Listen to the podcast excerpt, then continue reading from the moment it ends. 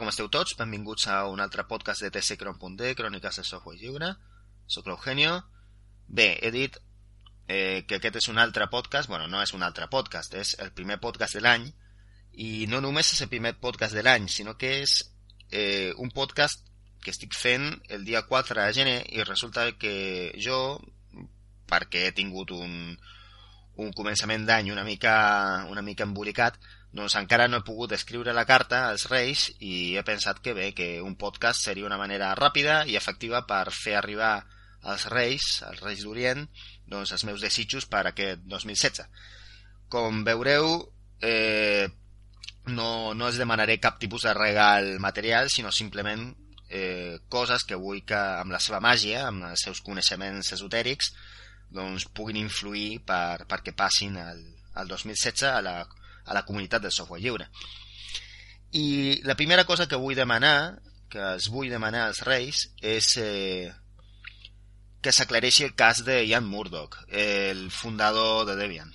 Eh, com sabeu, eh, Ian Murdoch va ser trobat mort al seu domicili el passat dia 30 de desembre, si no em falla la memòria, i en unes circumstàncies una mica estranya, estranyes, perquè eh, com sabeu també, ell mateix va estar eh, publicant missatges a les xarxes socials que, que volia suïcidar-se, eh, després algú va dir que li havien robat el compte de Twitter i que no era ell el que, el que estava publicant aquests missatges, després resultava que sí, doncs eh, un després eh, es va saber que, que havia patit aparentment una agressió policial. Bé, hi ha tantes, tantes dades tan inconexes i tan estranyes que l'única cosa certa que tenim és que va ser trobat mort el 30 de desembre i, i bé, i, i per això mateix, com que és l'única cosa certa que tenim en aquest moment, doncs el que vull demanar és que se sàpiga tota la veritat que es descobreixi tota la veritat i que es faci saber a tothom, eh, en primer lloc, per escomptat a la seva família, a la seva exparella i als seus fills, però també a la resta de la comunitat de software lliure. No, no oblidem que aquest és, almenys pel que jo sé, el segon cas de possible suïcidi eh, que tenim a la comunitat de software lliure. El primer va ser bueno, el primer va ser confirmat, no? Eh, un suïcidi confirmat, el de Aaron Swartz, i, i ara tenim aquest cas que aparentment tot apunta que també ha estat un suïcidi, però eh, jo crec que n'hem de saber tota la veritat. I, i treballem per, treballarem per això i, i farem el que puguem per, per, perquè això sigui així. I si n'hi ha de culpables crec que jo que també hem de demanar justícia i que si n'hi ha, doncs que paguin. És a dir, que, no sé, existeixen diferents possibilitats també de, de culpables indirectes en un cas de suïcidi. Si, per exemple, aquesta agressió policial que, que s'ha dit que, que hi podria haver hagut, doncs eh, aquells policies o aquelles persones implicades doncs, eh, doncs eh, podrien ser mm, inductors inconscients o involuntaris del suïcidi, del suïcidi de Murdoch i doncs si, són, si això és així si s'acaba confirmant aquesta, aquesta possibilitat doncs que s'apliquin les lleis que, que, que s'hagin d'aplicar no?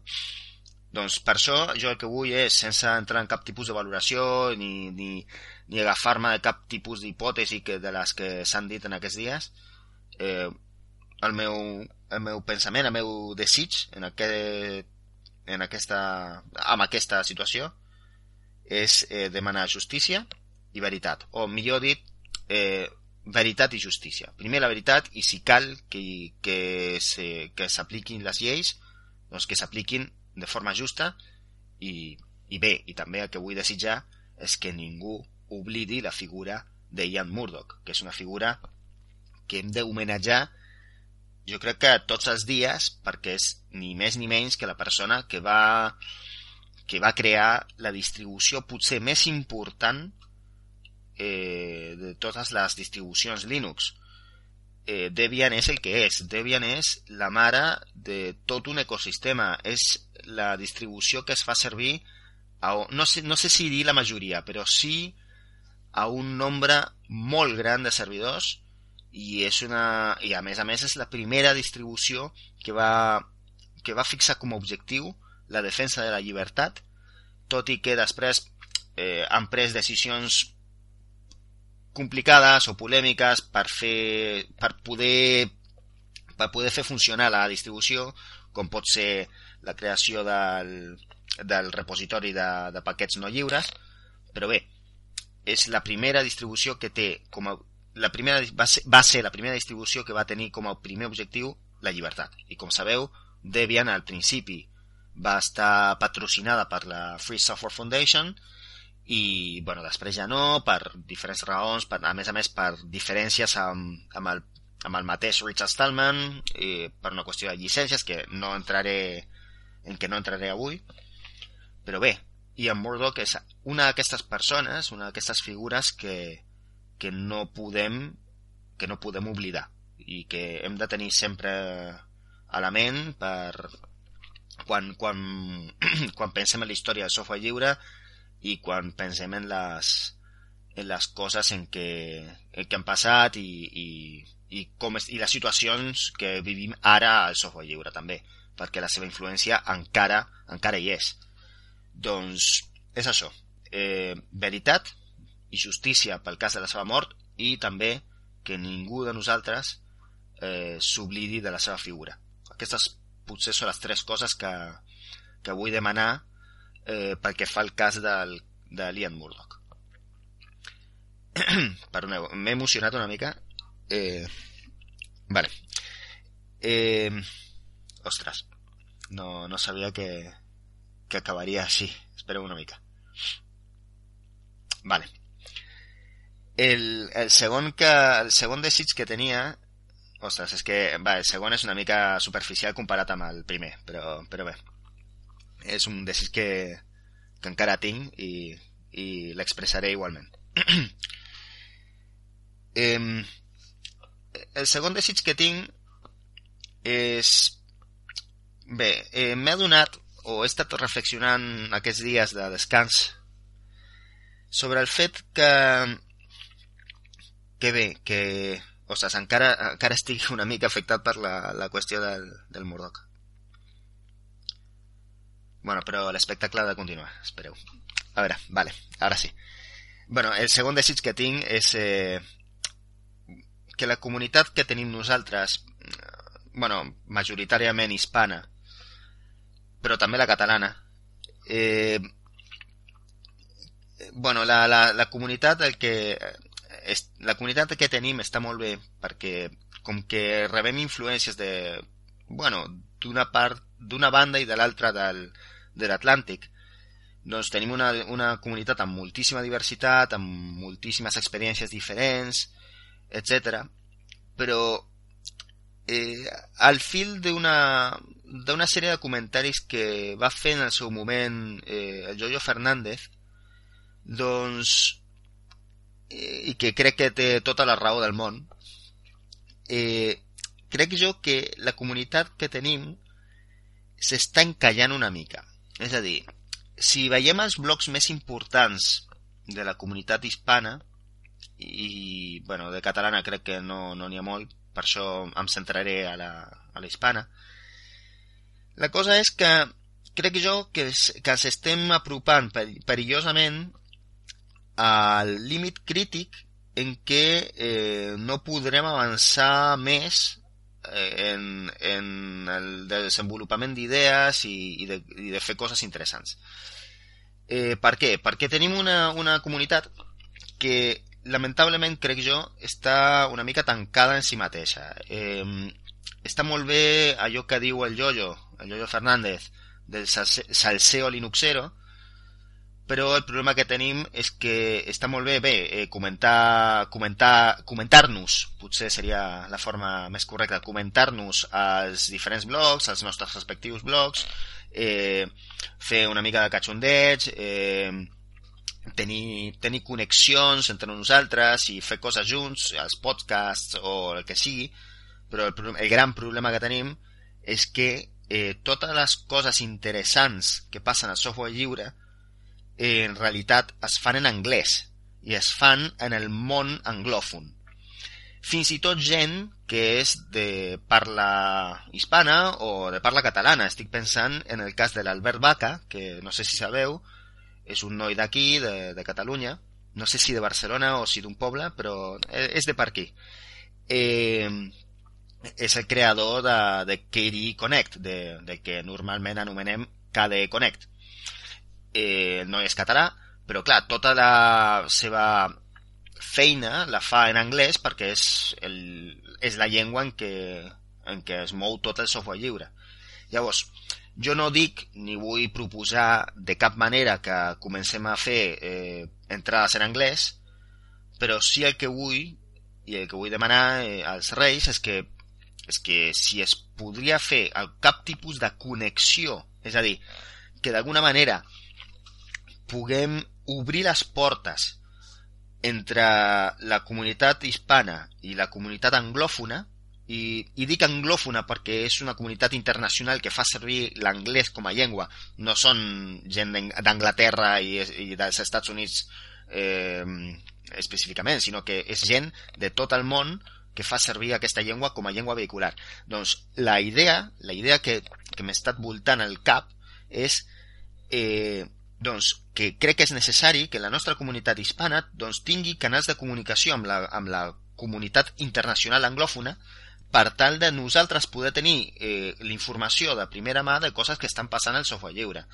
Eh, tot això ve de la enveja que em va fer el Brian Lunduk amb el seu amb el seu, com es diu això, amb el seu episodi de video, videoblog, bueno, amb aquesta videoconferència que va fer fa un mes, aproximadament, eh, sobre, sobre, com era? Eh, sobre, ara em sortirà, vale, eh, sobre, com, sobre els compromisos que, que a vegades hem de fer, o, bueno, les transigències que a vegades hem de fer eh, per poder fer servir software lliure. És a dir, que a vegades hem de, hem de renunciar a fer servir tot software lliure, sinó eh, per, perdoneu, ara m'he embolicat una mica, perdoneu.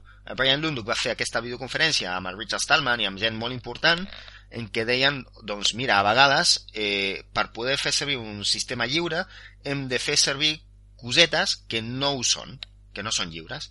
Doncs, eh, una videoconferència així a dies d'ara és absolutament impossible en la comunitat hispana i a mi em sembla que hem de caminar en la direcció de que puguem fer coses com aquestes. Eh, hem d'aprofitar, per exemple, el fet que Richard Stallman parla perfectament el castellà. Per què no, fer, per què no fer-li una entrevista? Per què no, no fer-li una entrevista, no sé, no vull dir Linus Torvalds perquè el tio està molt ocupat, però però a Brian Nunduk o a Greg, Greg Hartman, que és el mantenidor de la, de la, de la branca estable del kernel o el que sigui, no? O fins i tot eh, parlar amb, amb importants o, o, o desenvolupadors de segona línia però que estan a la, a l'avantguàrdia de les coses, doncs... Eh, avantguàrdia, perdó. Avantguàrdia. M'ha sortit el, el nom del periòdic, però no, la, no el nom comú de, el nom comú en català, avantguàrdia. Perdoneu. Eh, fer entrevistes a, a la gent que està a l'avantguàrdia de, de, de les coses, no? I, I tenir aquesta connexió. Que ja sé que és complicat perquè significa que hauríem de tenir un, un domini de la llengua anglesa i després un domini de la traducció, és a dir, que després tota aquesta informació la puguem traduir correctament i amb originalitat, és a dir, afegint-hi eh, afegint criteris propis i, i adaptant a la realitat cultural d'aquesta comunitat hispana eh, i catalana eh, les coses que rebem o que podríem rebre d'aquesta comunitat internacional i adaptar-la i eh, publicar-ne coses i, i discutir-ne, etc. Perquè si no, si no ho fem, el perill que crec que, que podríem tenir és exactament el que, que crec que està passant, és a dir, que, que els blogs al final parlen sempre del mateix eh, de les mateixes coses i, i bé, i que està molt bé fixar criteris, però, però a vegades hem d'expandir de, el, els nostres àmbits de pensament i, de, i el, els nostres àmbits conceptuals i per això necessitem dades, perquè conceptes sense dades no són conceptes sinó simples especulacions. Eh, estic pensant, per exemple, eh, encara tinc una, una entrada pendent sobre aquest tema, però estic pensant, per exemple, la discussió que la, la discussió amistosa, eh? eh? Va ser una discussió, jo crec que molt fructífera, però és una, és una discussió que en realitat hem tingut mil vegades. La discussió entre Adrián Perales i David Ochobaitz, eh, un, una salutació a tots dos des d'aquí, eh, en que ven que discutían sobre el rol de la, de la terminal en Linux, ¿no? Y si la terminal eh, és una ajuda o no per, per, per la gent que està començant a fer servir Linux, si realment cal fer els tutorials eh, amb comandaments de terminal o si no, etc. És a dir, aquesta és una discussió molt interessant però que hem tingut 40 vegades i que al final és la discussió sobre si Linux és o no un sistema operatiu per, per novats i eh, per novats en sentit informàtic general, és a dir, gent no tecnòfila. I, i bé, està molt bé, però crec que hem d'avançar. Hi, ha, hi ha temes molt interessants. Per exemple, a la, a, la, a la comunitat internacional, un dels grans temes que hi ha en aquest moment és el problema del hardware lliure. lliure. És a dir, sí, el software lliure té, té un problema que és un límit, que és el límit del hardware. És a dir, podem tenir un sistema operatiu completament lliure, però si el hardware no ho és, doncs sempre haurem de, ten de tenir en el nostre sistema instal·lat un controlador que no sigui lliure o alguna cosa que no sigui lliure. Llavors, com que aquesta, aquest és el tema, un, un dels temes, n'hi ha d'altres, que, que estan més candents no? a la comunitat internacional, doncs per què no podem, no podem entrar-hi també nosaltres? I per això necessitem la connexió, la connexió amb, el, amb la comunitat internacional, la comunitat global del software lliure, perquè la llibertat és global, perquè si pensem que la llibertat només s'assoleix eh, fent, fent pinya nosaltres, doncs això és una estupidesa molt gran. No, hem de pensar de forma global i actuar de forma local, no? com diuen alguns moviments socials. Eh, hem de pensar, bé, què és el que, que hi ha allí fora i portar-lo cap aquí.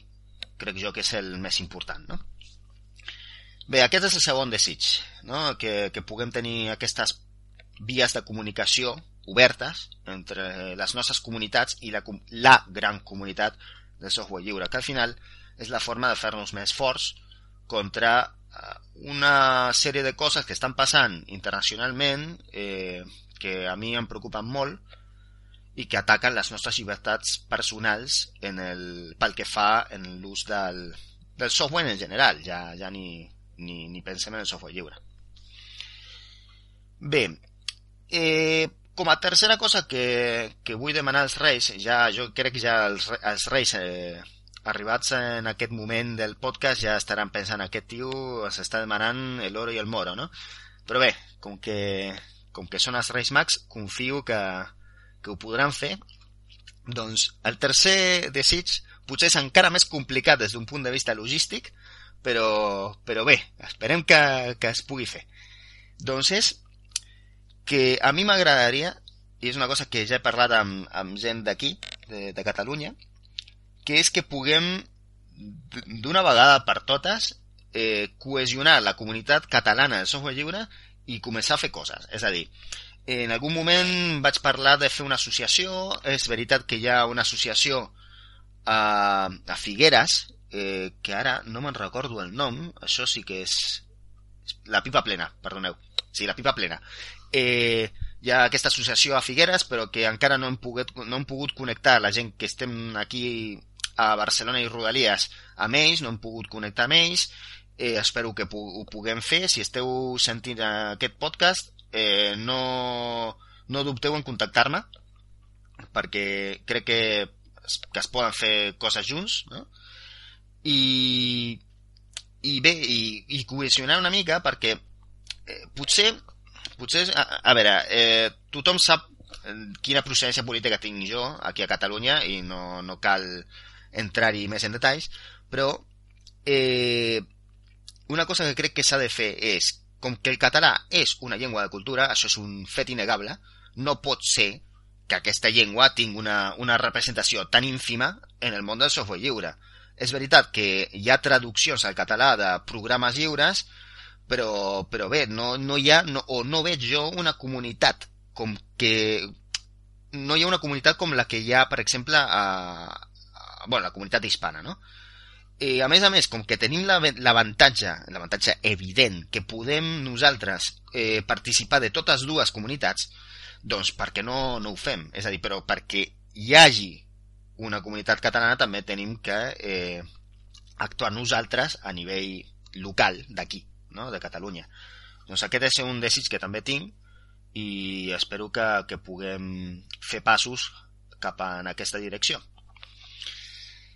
Eh, un quart desig que tinc, que vull demanar als reis que, que ens ajudin a complir, és que els blocs de la comunitat doncs, en aquest 2016 tinguin el millor i el major èxit possible. Estic parlant de, de, gent, de gent increïble com el Jojo Fernández, del Tarteca, de, de Rubén, de Comando RM-RF, estic parlant també del, del Zagur, de, de Portal Linux, eh, del Binario, de Linux, de Linux, Linux no blog, de tothom. És a dir, sense fer d'Adrián Perales, de, de tothom. Si m'estic deixant algú, doncs que no, no ho prengui malament, sinó simplement és que la memòria és traïdora.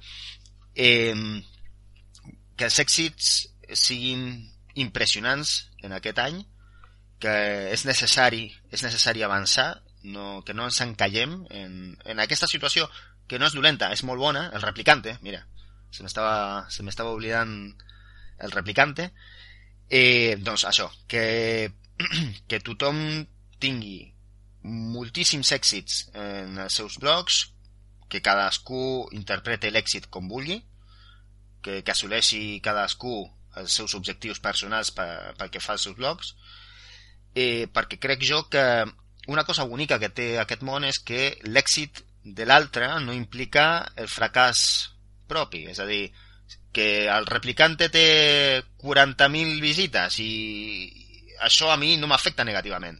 Fins i tot em pot afectar positivament i viceversa, no? És a dir, aquí som una comunitat, compartim moltíssimes coses i junts fem força. I, i necessitem, necessitem perquè l'èxit d'un implicarà eh, més aviat que tard l'èxit també propi, perquè és una comunitat. I és una comunitat perquè, perquè estem cohesionats, perquè tractem temes eh, que ens interessen a tots i que són temes que, a més a més, reivindiquen virtuts i, i una forma de pensar solidària i, i, i comunitària i bé, i espero que, que tothom per separat i junts tinguem, tinguem els millors èxits en aquest any 2016 els blogs i podcasts i tots els projectes que tinguem eh, eh, que tinguin a veure amb, amb aquest món.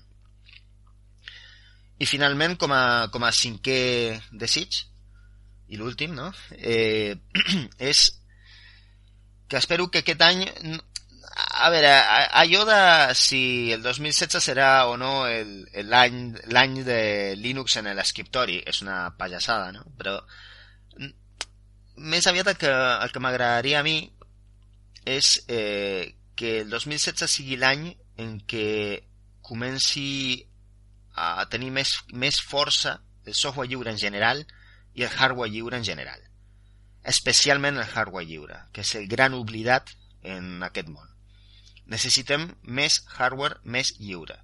Necessitem més coses més lliures, més coses físiques més lliures. Perquè és possible que l'escriptori deixi d'existir d'aquí a un parell d'anys. O no que deixi d'existir, però sí que deixi de ser la, la plataforma rellevant que, que ha estat fins hores d'ara, no? Eh, necessitem hardware lliure. Perquè sense hardware lliure no serà possible eh, la llibertat total al software. Això és una cosa que hauríem de gravar-nos al cap amb, amb el que sigui, amb, de la manera que, que us sembli millor, però la tenim que tenir, l'hem de tenir eh, gravada a foc a, al nostre cor i al, a la nostra ment. El hardware lliure ha de créixer perquè pugui créixer el software lliure i perquè al final, que és el que volem, eh, tothom pugui tenir llibertat, llibertat de debò en l'ús de les seves eines informàtiques per les coses que vulgui, no? perquè al final la llibertat permet que cada, cadascú pugui fer realitat les, les coses que, que, que, vull, que, que, vulgui, que vulgui fer. No? Doncs aquests són els meus cinc desitjos eh, que demano als reis que m'ajudin a complir si no volen fer-los fer complir ells mateixos. Eh, resumeixo, no? que hi hagi veritat i justícia al cas, al cas Murdoch, que la comunitat hispana connecti amb la comunitat internacional anglòfona, que la comunitat catalana eh, pugui cohesionar-se i pugui començar a fer passos com a comunitat, que tots els blocs de la comunitat, no? que, que estem sempre salseando, com diria jo jo, que tots els blogs tinguin èxit, els nostres blogs, podcasts, etc. I finalment que, que comencem a creure que el hardware lliure és una, és una lluita que hem de començar a fer perquè, perquè és importantíssima, i, no, importantíssima no, crítica, perquè el software lliure realment sigui una, una realitat eh, global i, i rellevant en el món. Doncs m'acomiado desitjant-vos a tots un 2016 impressionant, el que sigui el millor any de les vostres vides, de les nostres vides, i ens continuem escoltant, sentint, llegint, veient, en algun cas, i, i que esteu tots bé. Vinga, adeu i fins la propera.